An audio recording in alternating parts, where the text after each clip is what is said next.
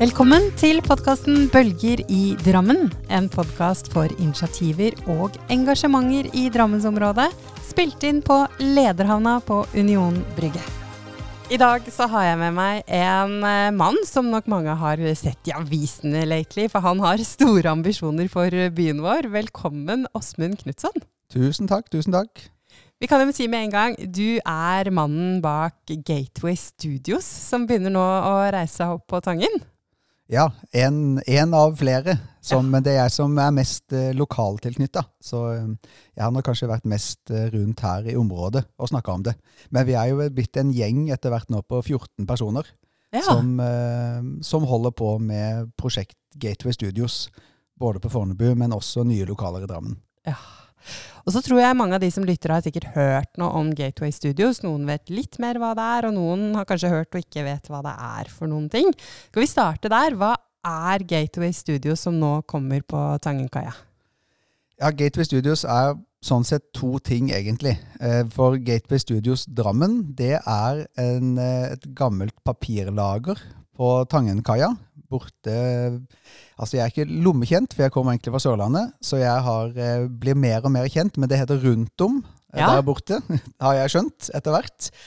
Og så har du da den eh, gamle kaia, som kalles Tangenkaia, som er jo et svært utviklingsområde for eh, Drammen kommune og Bane Nor Eiendom og Eidra, som skal utvikle en helt ny bydel. Ja, For hvor er det her i forhold til mikrobryggeri og det er rett ved siden av Håndbryggeriet, ja. hvis man har vært der. Skur, ja, det heter det. Skur, skur 4 er naboen til Skur 7, som ja. dette heter. For alle, alle bygden der heter Skur. Så Gateway Studios Drammen det er um, ca. 2500 kvadratmeter med medieproduksjonslokaler, som for øyeblikket er under oppussing ja. på Tangenkaia. Og det blir uh, tre nye, fine Vi kaller det studioer. Uh, fordi vi har mest drevet på med TV-produksjon, så er det naturlig å kalle det det. Men det er jo medieproduksjonslokaler, og med medieproduksjon så tenker vi på eh, ganske vidt begrep. Altså TV, film, eventer, konserter, eh, streaming. Altså stort sett alle måter du kan presentere en eller annen form for innhold til mennesker på. Om ja. det er live eller på TV, eller om det er på en stream eller en uh, streamingserie hos en strømmer. Ja, Fra før så er dere på Fornebu? Ja. Stemmer det? På Fornebu i uh, de gamle lokalene til uh, flyplassen, rett og slett. Ja. Det heter fly, Flytårnet Fornebu, er navnet på, på området. Og der har um, der har vi nå overtatt det som tidligere het H3 Arena, har nå blitt omdøpt til Gateway Studios Fornebu. Som er to eh, store haller i de gamle hangarene. Ja. Så kontoret til nå har vært i eh, det gamle flytårnet på Fornebu, så det er jo ganske morsomt ja. å sitte oppi der og titte ut igjennom. Men der har vi jo de siste, de siste åra vært eh, noen av de som da er medeiere i selskapet, vi flytta inn der etter hvert. Men vært involvert i veldig mye av det som heter Shiny Floor TV. Altså Idol, The Voice, Melodi Grand Prix, Norske Talenter og um, Stjernekamp. Mange flere sånne prosjekter har vært spilt inn der ute. Ja, Så det er jo store produksjoner i norsk sammenheng i hvert fall, som har vært der? Ja, iallfall i norsk, altså typisk helge TV-sammenheng, ja. så, så, er det store produksjoner. Men hva ser dere for dere i Drammen, da? Hva skal produseres her? Nei, vi, altså, vi, bygger jo studioer for å kunne produsere mye. Det var noe av det vi har lært ute på Fornebu også. At um, de, de, den typen lokaliteter kan brukes til mer. Men på Fornebu har det vært veldig trykk på disse typen produksjoner, så vi har egentlig ikke hatt anledning til å få gjort så mye annet. Nei. Det var også litt grunnen til, eller mye av grunnen til at vi begynte å se etter nye lokaler og endte opp eh, på Tangenkaia. Mm. Og det er, jo, det er jo fint å hva skal jeg si, nevne det også, i, i det åndedraget med hvorfor vi er i Drammen. Ja. For det, det er jo også, det syns jeg er et poeng, siden vi sitter her i Drammen sier, ja. og, og, snakker om ting som skjer i Drammen. Ja. Fordi eh, det var jeg som ble sendt ut for å finne alternative lokasjoner. Fordi vi trengte, vi trengte rett og slett mer kapasitet for å ta unna. Vi, måtte si nei til prosjekter. Og, og vår analyse var at her var det mulig å, å, se nye muligheter. Og så ser vi selvfølgelig litt i sammenheng også med at TV 2 nedskalerte studioene sine på Karl Johan og flytta til sted uten studioer, og NRK holder på å flytte til ny, ny lokasjon, hvor vi også vet at eh, de må nedskalere, for de skal gå fra 80 mål til 14. Ja. Så, eh, sånn at vi, vi, så at her, her kommer det til å, å, bli noen spennende muligheter. Og så leita vi etter det riktige stedet å gjøre det, og leita etter uh, nye steder helt fra Gardermoen til uh, egentlig til Fornebu. Og så begynte vi å leite litt videre, og fant egentlig ikke noe godt sted, uh, noe som helst sted, før vi kom til Drammen. Og det var en helt annen historie enn noe annet vi hadde vært borti. Før var det litt mer eiendomsaktører, og vi ble bare Vi måtte leite det fram sjøl, og, og, det var veldig lite engasjement.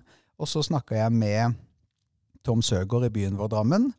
Og da åpna det seg helt ny, eh, et helt nytt mulighetsrom. For ja. han viste et kjempeengasjement på vegne av byen vår, Drammen og sendte oss videre da til Bjørn Holm i det som da het DKEU, Drammen kommunes eiendomsutvikling, mm. som nå har blitt Eidra. Eh, som også viste et kjempeengasjement for at vi var interessert i å få til noe nytt.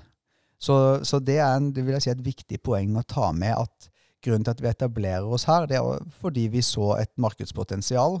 Men grunnen til at vi etablerer oss i Drammen, er fordi at det var det stedet som uten tvil eh, var med og så et potensial for å utvikle medieproduksjon. For ja. vi hadde en idé som var litt større enn bare et studio. Ja, ikke sant? Vi hadde lyst til å gjøre det som egentlig ikke har vært eh, gjort eh, hva skal jeg si, Det er feil å si ordentlig, for de har gjort et kjempeprosjekt i Bergen som heter eh, med Media City i Bergen, og bygd et fantastisk eh, cluster der borte som vi er inspirert av. Men det som ikke fins per nå i landet, opplever vi, det er et sted og en klynge, om man kan kalle det det, eller et bedriftsnettverk, eller en, eller en medieby, som vi har lyst til. Et sted hvor du har produksjonslokaler av høy eh, kvalitet med et miljø rundt, sånn som man kan se rundt om i eh, mange andre steder. Ja, Med andre aktører da, enn dere? Ja, med, ja. Hvor, er, hvor, man er en hel hva skal jeg si, en, en, stor, eh, en, stor, gjeng som sammen får til eh, noe som er større enn ett og ett selskap. For det tror jeg har vært litt utfordringa i, i, som vi har sett. da. At, og det ser vi litt effekten av nå. Nå begynner mye av selskapene i Medie-Norge å konsolidere. Ja. Det blir færre og færre småproduksjonsselskaper, det blir flere større. Sånn at vi er inne i en, inne i en sånn konsolideringsprosess nå, hvor eh, hvor man er avhengig av å slå seg sammen for å få til ting. Mm. Og per nå så ligger eh, mediebransjen, i hvert fall TV-bransjen, og for så vidt filmbransjen også veldig spredt. Du har noen studioer på Jar, du har noen studioer i Nydalen, og så har du en del produksjonsselskaper langs Akerselva. Så det er noen små sånne trefninger og, og, steder hvor man er sammen, men ikke et sted hvor du samler eh, hvor du kan samle hele bransjen, og hvor du kan innovere og produsere, hvor du kan knytte inn utdanning, sånn at du kan gå på sokkelisten mellom en stor produksjon, noen som forsker på medieproduksjon, produksjonsselskaper, nye steder hvor eh, enkeltpersoner som kommer med gode ideer, får, en, får et sted hvor de kan møte, og møte bransjen. Så det er jo det vi har lyst til å gjøre, i tillegg til å bare utvikle et studio. Vi ja. har lyst til å bygge en, rett og slett en medieby, og vi tenk, tenker ikke på det som nødvendigvis bare en eh, liksom noen hus tett i tett.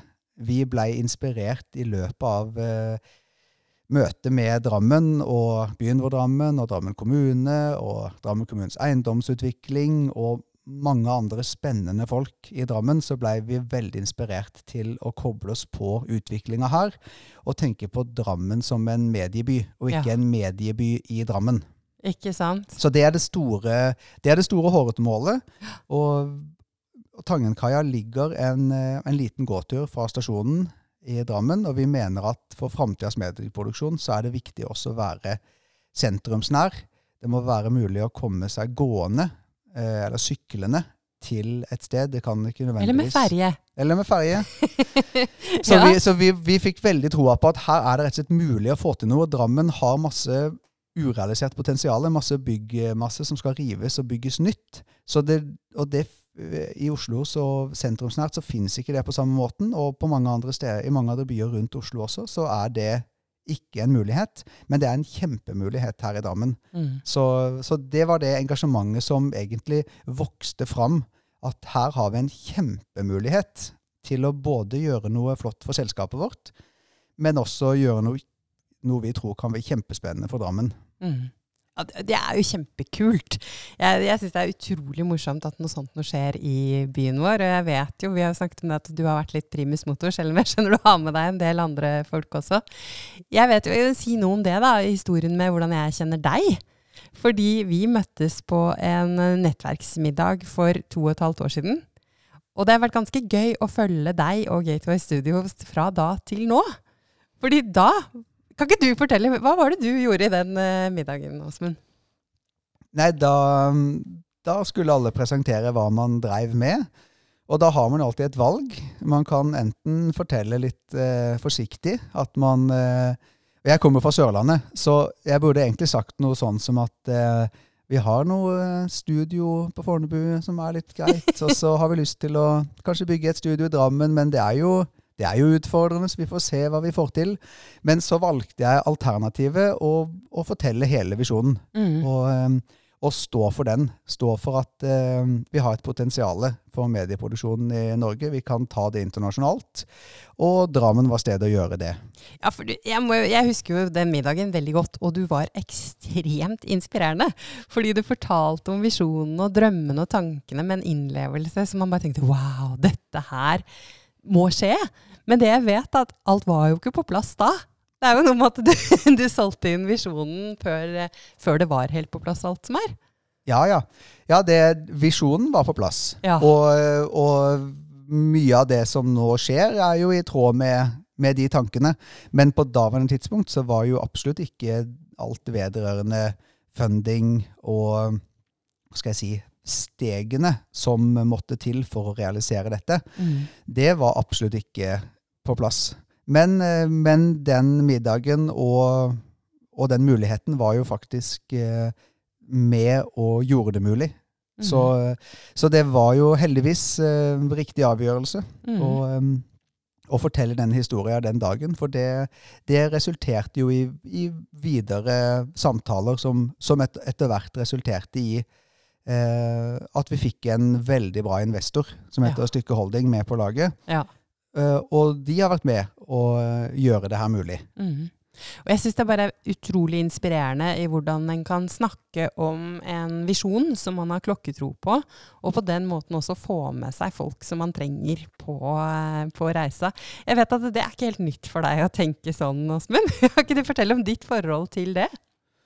Eh, jo, utvikling, utvikling og visjon. Jo, det, det, er, det, det har vi jo, det har vi jo snakka om litt før Mm. også, så det er jo noe jeg hva skal jeg si, brenner litt for å snakke om. Mm. Fordi at eh, jeg tror jo at det er mulig å nå hårete mål. Ja. For å bare koke det ned litt enkelt. Ja. Jeg har veldig troa på at hvis du setter deg et, eh, et mål, så, så er det veldig ofte innafor å nå det. Selv om veien er lang til det. Og, og det har jeg egentlig brukt eh, mye av tida i livet mitt på å prøve å nå noen litt sånne vanskelige mål.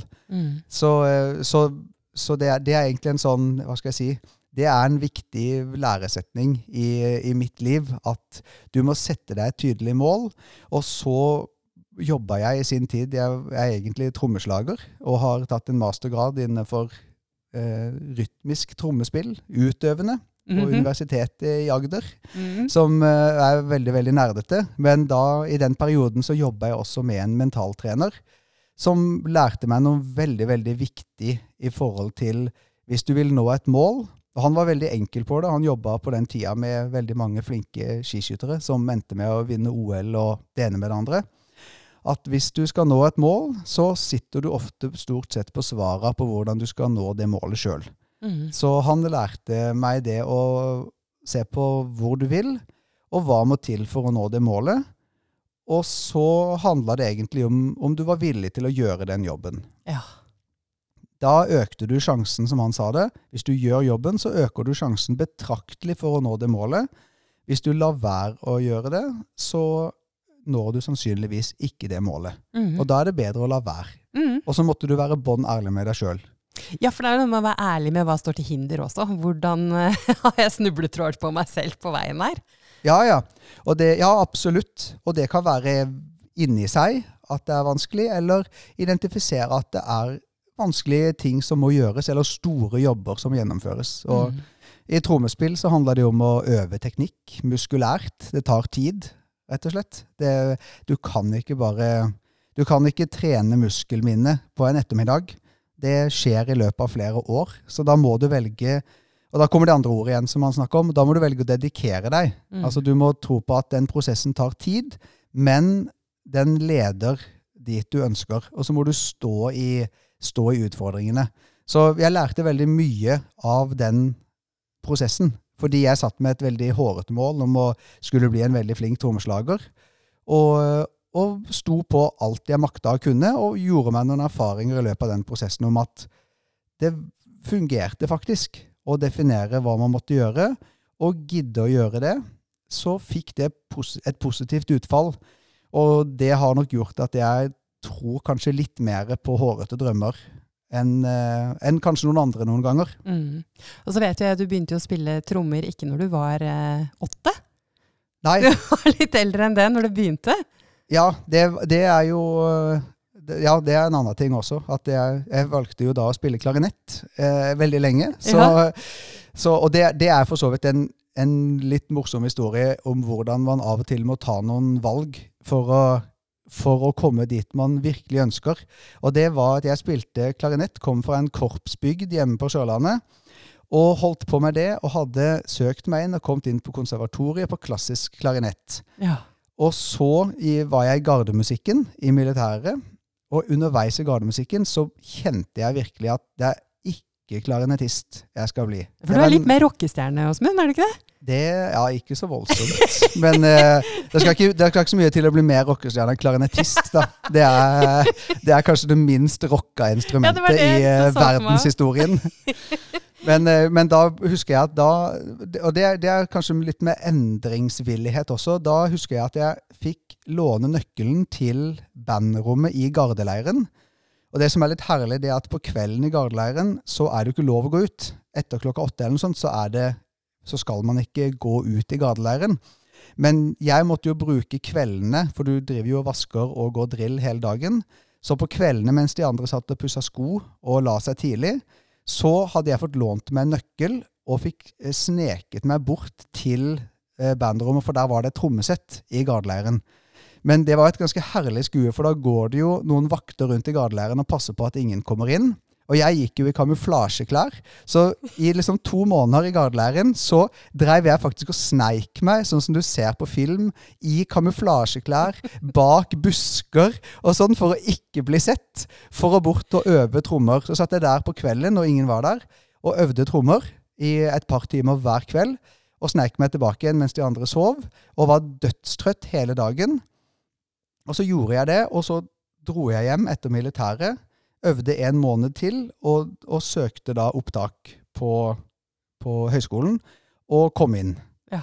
Så det er jo en sånn morsom, eh, morsom greie, hvor, man, eh, hvor jeg bare så at her må, jeg, her må jeg gjøre en endring. Og så var det ikke en lett endring. Altså det var ganske Det, var, det, det, det krevde ganske mye å styre med dette her. Men det, det var riktig valg.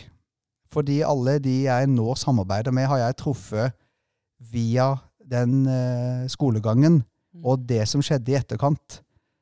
Så eh, jeg har sett viktigheten av å tørre å, å ta et valg, og så bare gå for det. Selv om ikke nødvendigvis det var det jeg fikk mest eh, resonans for. Når jeg slutta skulle spille klarinett og ikke bli klassisk, og he hele det jeg hadde bygd opp til. da. Ja. Nei, for det er jo ganske morsomt å bare 20, du har sneket deg rundt i militærleiren, og så bare filler'n heller. Jeg skal bli en av Norges beste trommiser. Og så kjøre på, og så til og med ta det valget om at jeg hyrer inn en mentaltrener for å nå de målene jeg setter meg. Det er jo dedikasjon, som du snakket om i stad. Da. Jeg hadde veldig veldig lyst, da. Ja. Sånn at, eh, og litt den følelsen at jeg så ikke helt noe alternativ. Jeg, jeg kunne ikke se for meg noe annet. Det var vel egentlig det. Så da var det ett alternativ. Det var enten å klare det, Ja. eller å tryne brutalt. ja. Eh, og det er, får man mye god læring ut av. Og så skjønner jeg at du, du har jo blitt en habil trommis. Det kan man vel si. Jeg får lov å si det om deg. Det er hyggelig. Ja, jeg har aldri hørt deg spille trommer, men jeg, jeg kjøp, tror det. Ja, ikke sant? Ja, det, det gikk heldigvis bra, kan Ja. man si. Ja. Så eh, mange, mange timer øving, og, og år seinere så, så nådde jeg heldigvis en del av de målene jeg hadde satt meg. Mm. Og det har vel, eh, som jeg nevnte i stad, det, det gjør meg nok veldig sånn eh, trygg i at jeg får litt troa på at det er mye som kan gå veien, rett og slett. For det var ikke logisk. Nei. De fleste jeg hva skal jeg si, kniva om eh, trommeslagerjobber med etter hvert i 20-åra, de hadde ofte spilt fra de var fem-seks år gamle. Mm. Mens jeg hadde av og til da spilt i fem-seks år. Mm. Og da føler du deg virkelig eh, som en underdog. Da har du, du, du føler ikke at eh, dere konkurrerer på like premisser. Eh, men da var det han mentaltjeneren sa til meg at det er veldig enkelt. Da må du rett og slett jobbe mer enn de andre. Ja. Det er, det er, det er, så, det er så enkelt som det. At Mm. eh, du kan enten grave deg ned i at du begynte for seint, eller så kan du ta det igjen. Mm. Så, så det, det er en mentalitet som har blitt liggende, rett og slett. Mm. Og så har jeg sett at det fungerer. Men hvordan er veien da videre for deg? Ikke sant? Du har blitt en habil trommis, kommet deg på et nivå som du hadde som hårete mål. Og så nå sitter du For du er en av gründerne av Gateway Studios? Ja. ja. Hvordan, hvordan er veien mellom habil trommis og gründer av Gateway Studios? Nei, Det kan du si. Nå, nå er det jo mindre og mindre habil trommis i livet. ja. Men det, det, det er også litt sånn uh, Hva skal jeg si Alt, alt til sin tid. Det, nå, har jeg, nå har jeg vært trommeslager i 20 år.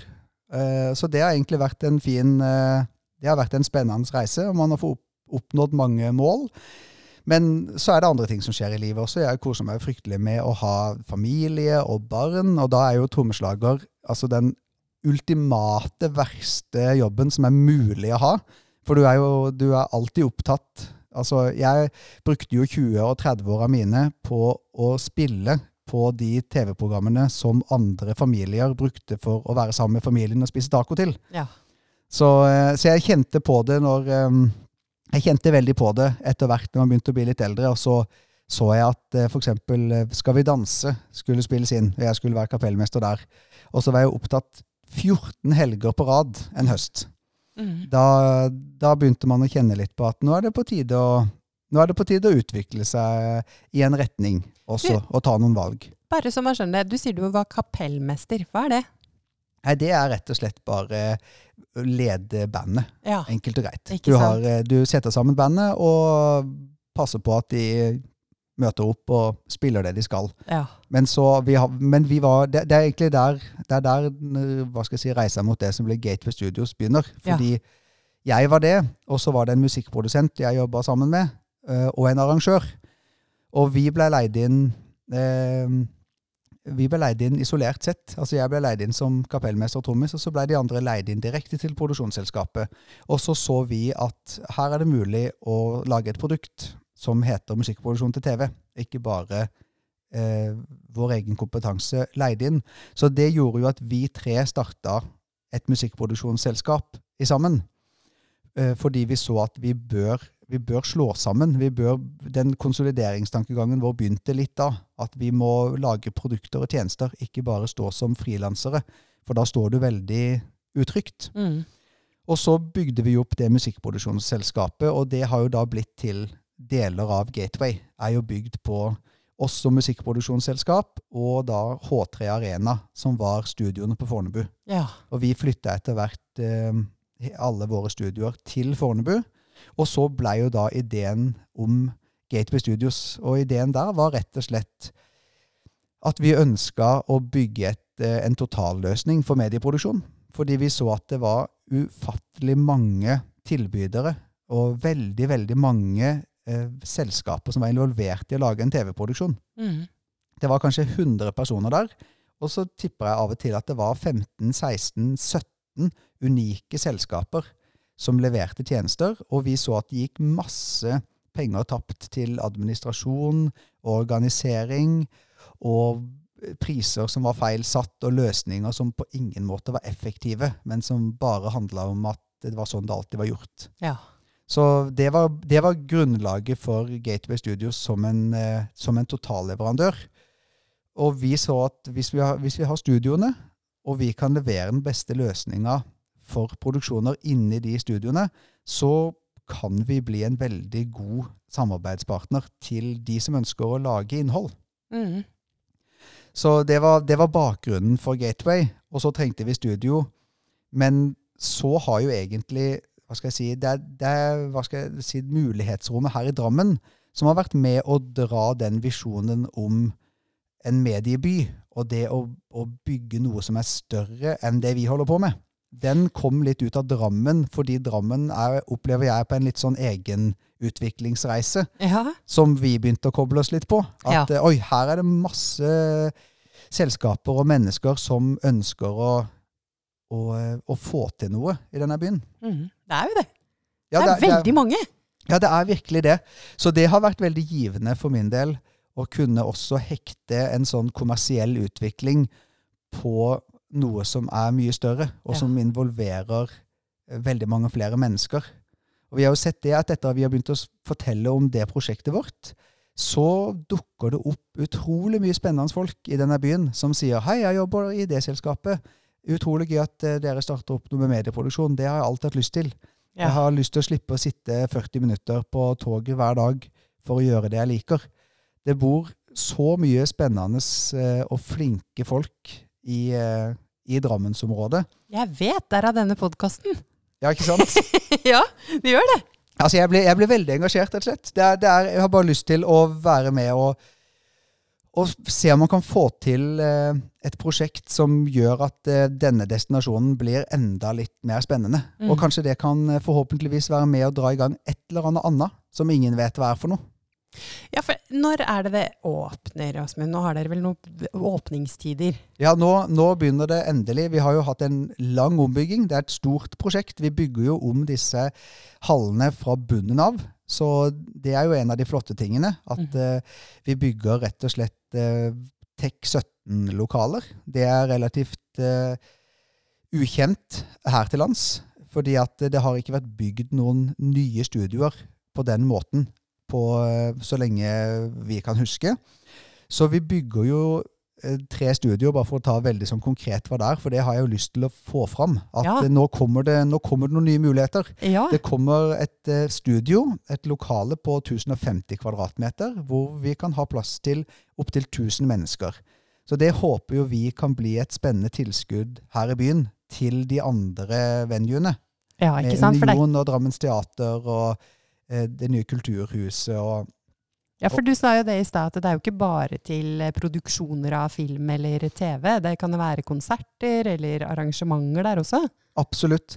Vi, vi bygger eh, si det vi kaller nå for litt hybridlokaler, sånn at de skal kunne være TV-produksjon den ene dagen, eller en filmproduksjon den andre dagen, men en messe eller en konsert eh, eller et eventlokale. Ja. Så vi, vi, vi ønsker jo å få til spennende TV- og filmproduksjoner her, men vi ønsker jo også å være med og, og gi et tilbud, sånn at vi f.eks. kan få noen større konferanser Ja.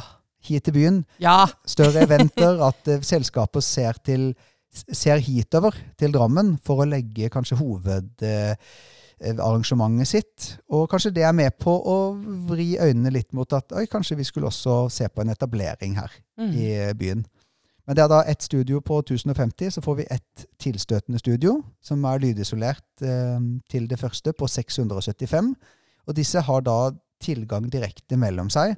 Så til sammen i de to eh, lokalene så er det jo bortimot 1800 kvadratmeter eh, med tilgjengelig eh, studio- eller gulvområde uten noen søyler.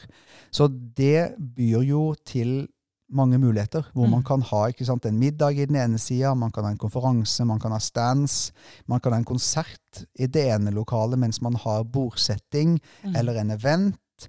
Eller vi kan ha TV-produksjon i det ene lokalet, mens vi har en eh, messe eller en konferanse eller en streaming i det andre. Mm. Så, mm, så det er jo håpet vårt, at dette blir noe vi kan aktivisere bransjen, som vi kjenner, TV- og filmverdenen, men at vi også kan aktivisere lokalmiljøet og hente inn andre aktører som begynner å bruke dette lokalmiljøet. Og bruke hotellene som eh, trenger catering, som trenger vakthold. Det er veldig mye som kommer i kjølvannet av at du drar tusen mennesker hit. Ja, og så vet jeg det at eh, dette er det jo behov for. Jeg vet jo selv fra jobber jeg har hatt i større selskaper i Oslo tidligere, hvor vi har lett etter steder å ha arrangementer utenfor Oslo. Og så skal det gjerne ikke være for langt, og så skal det være ganske sentralt, men det skal være utenfor Oslo sånn at ikke alle drar hjem. Og da er jo dette her helt supert. Ja, det, det tror vi òg. Ja. Det, har vi, eh, det er akkurat det vi håper også. Og så Ja. har vi troa på at det kommer til å komme bruksområder og, og kunder og samarbeidspartnere som ikke vi tenker på heller. ja. Det, det har vi ofte erfaring på at du, du kan planlegge en god, et godt stykke, men vi ønsker jo veldig å invitere folk til oss Mm. og samarbeide med oss. Se muligheter. Ja, så dette vil jo si da for folk, eh, folk flest, hvis man kan si det, så handler dette om at man får et sted for arrangementer. Og så får man kanskje etter hvert noen morsomme produksjoner som man kan være publikum i. Ja, Det kan akkurat. være mulighet for arbeidsplasser. Eh, samarbeidspartnere. Altså det er jo muligheter for veldig mange å kunne knytte seg på dette her på en eller annen måte. Absolutt. Og, så ja, altså, og to ting til. Det er jo også at vi, vi bringer jo kompetanse. Altså innenfor eh, lyd- og musikkproduksjon, drift eh, og filmproduksjon, hvor vi starter en egen eh, filmavdeling som kommer til å holde til her i Drammen. Sånn at det er jo både lokalitetene, men vi bringer jo også med oss veldig god kompetanse Mm. på folk som har drevet med dette i veldig, veldig mange år. Det er Mm. jo eh, altså Ute på Fornebu var jo det stedet som faktisk i sin tid tok publikumsproduksjoner for TV i Norge eh, videre. Fram til da så det, var det største eh, man hadde var, Man kunne dra til Spektrum av og til. Men bortsett fra det så var det jo studioene på NRK med Dan Børge.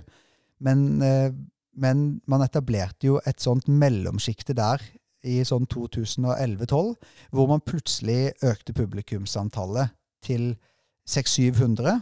Og så har vi faktisk økt det til eh, siste sesong av Skal vi danse nå, eller de to siste sesongene, har vært den største publikumsproduksjonen i hele verden av Skal vi danse. Det er ingen Ja. andre land som har eh, 1000 publikummere. Har det vært så mange? Ja, så der, der er det Wow. 1000 mennesker, og det er det ingen andre land av alle land som har produsert Skal vi danse, som har gjort. Ja. Så, så vi, har, vi har av og til vært med og liksom pusha, pusha grensen litt videre tidligere også. Mm. Når folk, sa, når folk ikke trodde at man kom til å få mer enn eh, 200-300 publikummere, for det Mm. hadde man aldri fått til, så, så gjorde man noe med det. Og så etablerte man da TV-produksjoner, har mellom 500 og 1000 publikummere, som alle er vant til nå. Mm. Så nå har vi jo lyst til å, å ta dette videre, og det handler jo mye om teknologi, Mm. som, eh, som jeg kunne gravd eh, dypt eh, og lenge ned i. Men vi er i en veldig brytning når Ja. det kommer til hvordan man produserer, og det har med bærekraft og teknologiske muligheter som har kommet, så må vi tenke annerledes framover. Så Mm. det er også et veldig viktig spor i, eh, i det vi nå planlegger på Tangenkaia. Ja, for det, det har jeg jo forstått ut fra filmer en ser på. Så tror man at de er et sted, men de befinner seg kanskje i et studio et sted. Ja, Man tror de er ute i naturen, og så er de ikke det. Jeg har skjønt at jeg har blitt lurt mange ganger. Ja, ja. Og det kommer det til å bli mer og mer. Ja. For det blir rett og slett eh, Det er to faktorer som man ser. Det er rett og slett det produseres enormt mye mer content. Altså du har veldig mange strømmetjenester nå enn Mm. du hadde før. Hvis du bare går på hvis du går på TV-en eller på Apple TV-en, så ser du at du har så mange strømmetjenester, og de skal ha innhold, for de kniver om seerne. Så kan, du kan ikke ha samme innhold. Du kan ikke ha du kan ikke ha den samme filmen eller eh, den samme serien tilgjengelig på HBO og Netflix og Amazon Prime. De må ha eget content, og dermed må produksjonsselskapene finne mer effektive måter å produsere på. Og i tillegg så må man, eh, og skal man, tenke mer bærekraftig. Mm. Så det, så det jobbes veldig hardt med å finne de måtene man kan skape det innholdet på. Mm. Eh, på en økonomisk og bærekraftig måte. Og der finnes det nå noen teknologiske muligheter som vi har jobba med, og som vi jobber med å være noen av de første som tar ut eh, og, og, gjør på, hva skal jeg si, på et visst nivå her i Norge. Ja, og Det har vel allerede vært noe innspilling i Drammen, har det ikke det? Ja, jo, vi har gjort, vi har gjort en, Det ble et slags proof of concept for vår del, hvor vi, hvor vi litt bortafor Skur 7 spilte inn uh, uh, mange scener til en film som heter Troll, som ligger på mhm. Netflix. Og det gjorde vi ved å bruke LED-skjermer istedenfor å være i Jotunheimen. Ja. Og istedenfor å fly helikopter uh, rundt om i Norge for å jakte etter det trollet, så gjorde vi alle de scenene på Slippen i Drammen. Ja. Og det var en av de tingene som viste at uh, jo, det, det ble, det, jeg tror det har vært, eller er kanskje, den mest sette ikke-engelskspråklige filmen på Netflix. Det var iallfall det en periode. Mm. Og det viste oss at uh, det var mulig å gjøre noe teknologisk banebrytende på den største strømmetjenesten i verden, i Drammen. Mm. Det er gøy! Ja, det er kjempegøy, og da fikk vi jo blod på tann. til ja, ja, ja. at uh, da kan vi faktisk bygge et eh, medieproduksjonsmiljø mm. for, eh, for framtida i Drammen. Kjempemorsomt. Du, Åsmund, vi kunne sitte her kjempelenge, og så har liksom tiden nå eh, passert, faktisk. Det er ikke sant? Er... vi burde vært i land! Det, er, det, det, har skjedd meg før. Ja, meg òg. Så det, det, bekla, det, beklager jeg. Nei, vi er sammen i denne båten. Og dette er kjempeinteressant. Er, du har en morsom historie, du har en morsom å angripe mål på, kontra, eller, og det å komme seg dit. Det er store visjoner, tanker for byen vår. Det er, dette er kjempemorsomt. Ja, det er kjempegøy. Ja. Og så må man bare koste på. Ja. Så blir ting som regel helt rått til slutt. Men du, hva trenger du av de som lytter av? Kan de hjelpe deg på noen måte, eller? Hva vil du ha? Nei, de kan jo komme på besøk, da. Ja. Det har jeg lyst til. Driver du med egentlig hva som helst. Men uh, kom, kom, og besøk oss på Tangenkaia, og vær med og se potensialet ja. i uh, det vi gjør, og i uh, Drammen. Ja. Da, hvis du gjør det, så tror jeg du bare med og drar i riktig retning. Mm. Så, så, får vi skal jeg si, tatt, tatt Drammen videre. Nå, nå, har Drammen blitt fantastisk flott å være i, og det er en fantastisk fin by å bo i, og du kan gå langs en nydelig elv. Og så er kanskje versjon 2.0 nå å lage Drammen til den råeste byen å, å bygge firmaer i og Enig. jobbe i. Enig, jeg er med. du, tusen hjertelig takk for at, dine, at du har turt å ha store visjoner, og at det nå blir realisert, og for alt ditt bidrag. Takk. I like måte. Det var veldig hyggelig. Takk for meg.